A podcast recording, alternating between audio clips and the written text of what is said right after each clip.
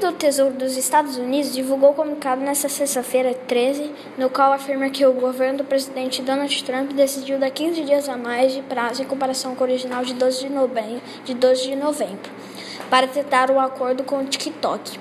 A informação consta do, de nota do órgão assinado pela porta-voz Monica Crowley. Trump emitiu ordem em 14 de agosto para que a companhia chinesa ByteDance, dona do TikTok, adotasse medidas específicas para deixar certos segmentos de negócio e fizesse outras mudanças a fim de responder ao que o governo americano vê como riscos à segurança nacional, segurança nacional.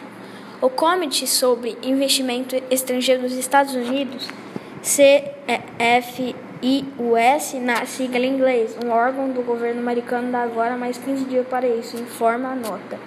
O comunicado explica que o presidente emitiu outro decreto em agosto, o qual lida risco com a segurança nacional a proibir transições específicas com ByteDance ou suas sub, subs, subsidiárias.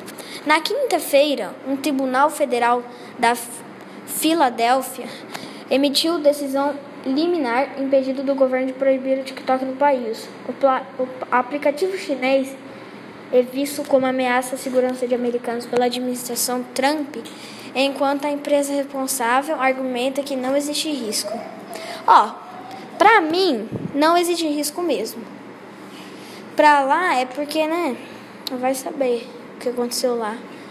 E o que esse moço fez que impedindo a proibição do TikTok no país, eu acho que foi certo, que muitos influencers do TikTok moram lá.